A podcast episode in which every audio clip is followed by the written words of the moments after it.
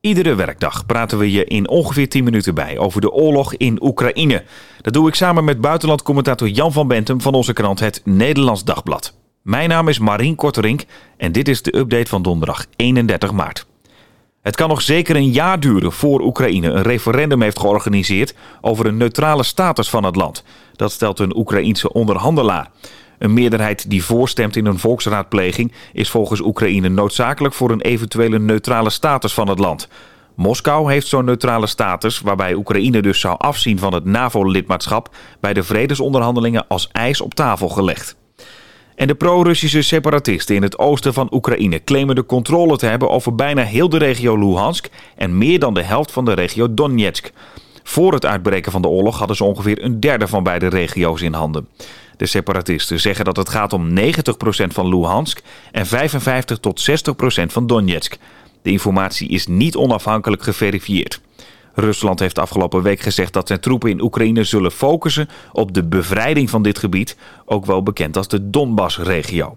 En Volodymyr Zelensky, de president van Oekraïne, sprak vandaag in de Tweede Kamer. En daar heb ik het vandaag over met Jan. Ja, Jan, wat vond je ervan? Het was een opvallend gematigde uh, positieve toespraak. Hij heeft andere landen behoorlijk heeft hij, uh, uitgehaald, bijvoorbeeld in het Britse uh, parlement.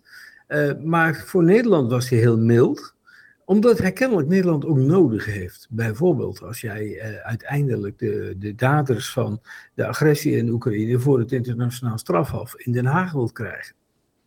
En dus hij is voor, ook deels afhankelijk van Nederland. Niet alleen voor meer wapens. Hij zegt, jullie zijn al een van de landen die het meest voor ons doen. Maar hij wil nog meer hebben.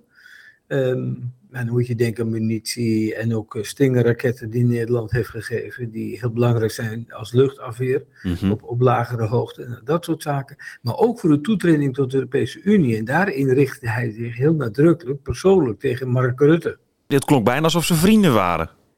Ja, zo liet hij het wel klinken. Um, maar um, Mark Rutte is wel een van de Europese leiders die de toetreding tot de, van Oekraïne tot de Europese Unie uh, daarbij de voet op de rem zet. Rutte zegt voortdurend, ja, als je dat via een versnelde procedure doet voor Oekraïne, kun je erop wachten dat je problemen krijgt op de Balkan. Want die landen zitten al veel langer in de wacht uh, en die willen ook. Ehm, maar Zelensky zei heel duidelijk: voor ons toetreden tot de Europese Unie zijn we van jullie afhankelijk. Komma, van jou, Mark. Nou, spreekt hij dan dus in de Tweede Kamer? Uh, de... Dit is voor het eerst dat een, uh, een buitenland staatshoofd de Tweede Kamer rechtstreeks toespreekt. Dat is ook pas mogelijk geworden na een recente wijziging van uh, het reglement van de Kamer, zeg maar. daarvoor was dat niet zo. Terwijl je in het, bijvoorbeeld volgens mij heeft Trudeau ook wel eens in de Tweede Kamer gesproken. Of was dat dan anders? Op een andere manier. Niet zo'n rechtstreeks uh, toespraak tot de Kamer alleen. Dan heb je wel vaak bijvoorbeeld de gezamenlijke staten-generalen met de regering erbij en dat soort uh, dingen. Die kunt ook op, voor een kleinere bezoek komen. Maar dit was echt een speech van een staatshoofd direct gericht aan het parlement. Nou vraagt hij daarin natuurlijk allemaal dingen, hè, van bijvoorbeeld meer wapens. hij wil graag toetreden tot de EU. Gaat daar dan ook echt iets mee gebeuren? Ja, hij had het heel goed ingepakt. Hè? Hij, hij bereidt zijn toespraak altijd heel erg goed voor. En deze ook. Dus er kwamen zinnen in voor die ook voorkomen in het Wilhelmus. Dus hij refereerde ook aan de 80-jarige oorlog. Um, hij kent waarschijnlijk de geschiedenis nog beter dan veel Nederlanders. Want hij had het over de 450ste verjaardag van de Nederlandse opstand tegen de tirannie. Uh, zoals, uh, doe mij de tirannie verdrijven, die ja, ja. de wond, zeg maar. Uh, dat, is, uh, dat is de dag van de inname van Den Bril door de Geuzen. Ja, dat weten veel Nederlanders al niet nee. eens meer.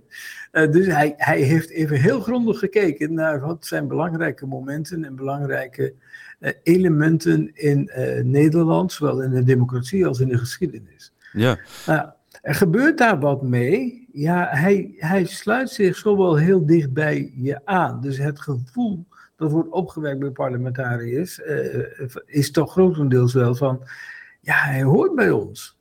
Ik vroeg me dus achteraf wel af, ja, verandert zo'n speech nou het verloop van de oorlog? Want Nederland kan natuurlijk niet in zijn eentje zeggen, oké, okay, we gaan toch meevechten, bij wijze van spreken. Nee, maar Nederland kan bijvoorbeeld wel zeggen: wij gaan nog meer wapens sturen. Wij gaan op een andere manier uh, militair helpen. En ook een hele nadrukkelijke oproep van Zelensky: Stop met het kopen van Russische olie en gas. Want dat is wat die oorlog financiert. En als je dat gaat kijken, er is een site die houdt helemaal bij zeg maar, van wat er wordt er nu verkocht. Uh, aan Russische olie en gas door lidstaten van de Europese Unie. Ik heb die site nu voor mij. En die heeft uh, vanaf het begin van de inval, dus op 24 februari, tot en met nu, heeft de Europese Unie al voor 22,8 miljard euro aan gas en olie en kolen uit Rusland gekocht. Nou, en hij... dat, dat kan Poetin erg goed gebruiken voor zijn oorlogsmachinerie. En Nederland speelt daar een belangrijke rol in. Nederland is een doorvoerland voor veel van deze dingen. Dus stop ermee, zegt hij. Dat is echt een enorme klap voor het Kremlin. Voor het Kremlin. In welke mate uh, wil, de Tweede Kamer, uh, ja, vinden ze het ook gewoon mooi dat uh, zo iemand die, nou, die je dan nu positief in het nieuws vaak is, Zelensky, dat hij langskomt in plaats van, los van dat ze het graag willen om over echte zaken te praten? Nou, het heeft natuurlijk wel iets dat, dat zo iemand die wordt gezien nu toch wel als een soort hè, de, de leider van een bastion van de democratie tegen de agressor, dat die dan in jouw parlement spreekt, de democratische vertegenwoordiger van je land. Dus ja, dat geeft wel een, een, een gevoel van verbondenheid. Nu moet het zich nog gaan vertalen in daden. Premier Rutte zei de afloop al van ja, uh, en dat werd ook wel bevestigd door uh, minister Hoekstra van Buitenlandse Zaken, direct stoppen met het kopen van Russisch gas en olie. Dat zal toch wel heel erg lastig worden. Hè? We gaan een koude week tegemoet. Dus als je die, uh, die gaskraan en die oliekraan compleet dichtdraait, dan kan het hier nog wel eens wat uh, problemen opleveren. En kou. Ja, ja, ben ik dan te cynisch, zeg maar, dat ik denk, ja, veel Tweede Kamerleden vinden het nu mooi om misschien geassocieerd te worden met Zelensky. Ze kunnen zeggen van, nou, ik was erbij toen Zelensky hier was, maar voor de rest levert het weinig op. Dat weet je niet. Uh, hij doet dit soort dingen ook natuurlijk voor de lange termijn. Hè. Die, hij, één, één belangrijk aspect was, die oorlog duurt nu al 36 dagen. Hij zei ook van dit kan niet nog eens 36 dagen duren. Dus er moet wel concreet actie komen. Je moet concrete stappen zetten. Maar daarna, en daar had hij het ook heel nadrukkelijk over, moeten wij dit land herbouwen. Dus, zei Zelensky, kies een stad uit die Nederland gaat herbouwen. Dan word je wel heel erg concreet aangesproken. En um, dat zijn dus dingen die gaan wel broeden hè, in het denken. Dus hij heeft allerlei zaadjes geplant, niet alleen voor nu, maar ook voor later. En dan merk je dus ook dat het een begaafd spreker is, hè? Dan merk je dat hij er erg goed over heeft nagedacht en het ook heel erg goed kan brengen. Ja, die, die man is daar natuurlijk voor zijn televisierollen die hij heeft gespeeld in getraind. Maar je moet die gaven ook hebben en die heeft hij, duidelijk. We gaan zien of uh, deze gesprekken en deze bezoeken, want het is niet alleen dat hij naar Nederland gaat, hij is op heel veel andere plekken ook al geweest, in de EU onder andere, of dat wat gaat opleveren voor hem dan. Um, als laatste Jan nog een vraag van Hilda die is binnengekomen. Zij kent mensen, schrijft ze, die Russisch zijn en in Nederland terecht zijn gekomen. Nou, die zeggen dan dat uh, Russisch sprekende mensen bijvoorbeeld worden gediscrimineerd in Oekraïne, niet meer naar winkels mogen. En zij zegt, het maakt me eigenlijk heel bewust van de bril waarmee iedereen hier in het Westen kijkt naar de situatie daar. En dat perspectief van hun, dat hoor je hier minder minder, schrijft ze. Kan jij daar wat meer over vertellen? Um, ja, dat Russische perspectief hoor je wat minder, omdat we denken van ja, waar haal je het vandaan? Dat is één. Ik, ik heb hier net, ik, ik weet nog bij Russische bronnen te komen, die zijn officieel geblokkeerd. Hè? Bijvoorbeeld RT.com, Russia Today. Uh, dat is een uh, staatsmediabedrijf dat door Poetin per decreet is opgericht. Net als Sputnik News, die heb ik ook weer gelezen. Wat staat erin? Uitgave van gisteravond. De plannen van de Oekraïne voor de biolabs die door Amerika zijn uh, betaald en waar ze dus biologische wapens zouden hebben ontwikkeld die met drones uh, op Rusland zouden worden afgevuurd, zeg maar, en naar mm -hmm. Rusland zouden worden verspreid. En dan heel, uh, heel erg serieus gaat, gaat dat daarin door. Dus dat zou echt een hele concrete bedreiging zijn van Rusland door Oekraïne, maar dan met Oekraïne als marionet van de Verenigde Staten. Het gaat er bij mij niet echt in, en ik denk bij velen niet, dat de Verenigde Staten werkelijk een biologische oorlog zou willen starten tegen Rusland. Maar die, dit, dit soort verhalen hoor je al jaren.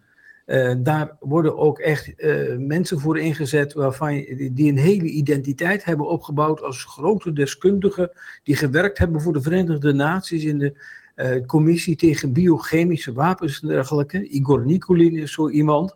Die hebben we eens een keer helemaal uit, onderzocht van wat ben jij nou? Nou, A, er is helemaal geen commissie van de VN voor biochemische wapens. Hij zou adviseur van de VN-secretaris-generaal Kofi Annan zijn geweest. Bij de VN in New York zeiden ze nooit van gehoord. Uh, hij zou lid zijn van een ethische commissie van de Staatsduma. Die bestaat niet. Uh, zo ging het maar door. Dus alle, alle lijntjes die we natrokken bleken op niets te berusten. Toch speelt die man een grote rol op Russische nieuwszenders, hè, vergelijkbaar zeg maar met nieuwsuren als in Nederland, en doet hij dat soort verhalen. Kortom, je wordt een werkelijkheid voor ogen gehouden die, ja, die, die, die een heel andere wereld schetst dan wat wij eh, weten, zeg maar. Ja, en, en klopt die werkelijkheid nergens?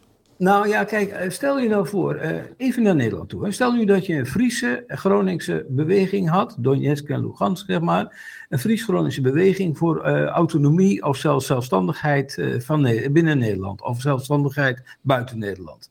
En dat Nederland zei van, nadat daar dus een gewapend conflict over was geweest, dat Nederland zou zeggen van, maar nu wordt het uh, onderwijs in het Fries en ook in het Gronings verboden, u mag alleen nog Nederlands spreken. Nou, dat soort dingen is wel gebeurd in Oekraïne. Dat zet ook aan de andere kant kwaad bloed. Dat, dat je dus niet meer Russisch mocht spreken, zeg maar. Nou, geen Russisch onderwijs meer, je moest verplicht Oekraïens op school leren en dat soort dingen.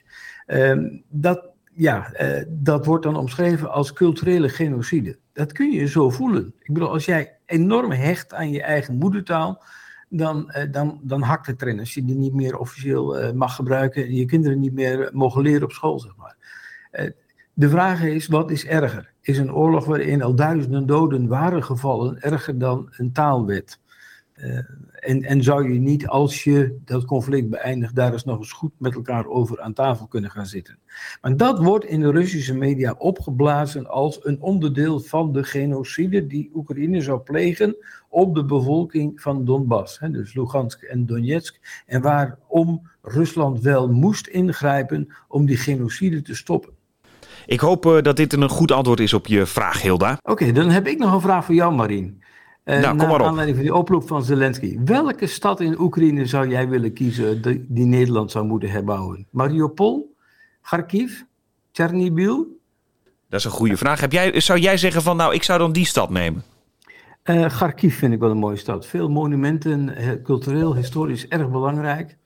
Uh, aan de andere kant Mariupol als havenstad. Maar dan moet je wel wat herbouwen, want die stad ligt helemaal in puin. Ik hoop uh, dat ze in de Tweede Kamer meeluisteren. Dan kunnen ze dit misschien meegeven. En uh, dan gaan we zien welke het uiteindelijk gaat worden. Jan, dank je wel voor nu. Uh, en heb je een vraag voor Jan of wil je reageren? Dat kan via oekraïne.nd.nl. Een nieuwe update staat morgen om 4 uur weer voor je klaar.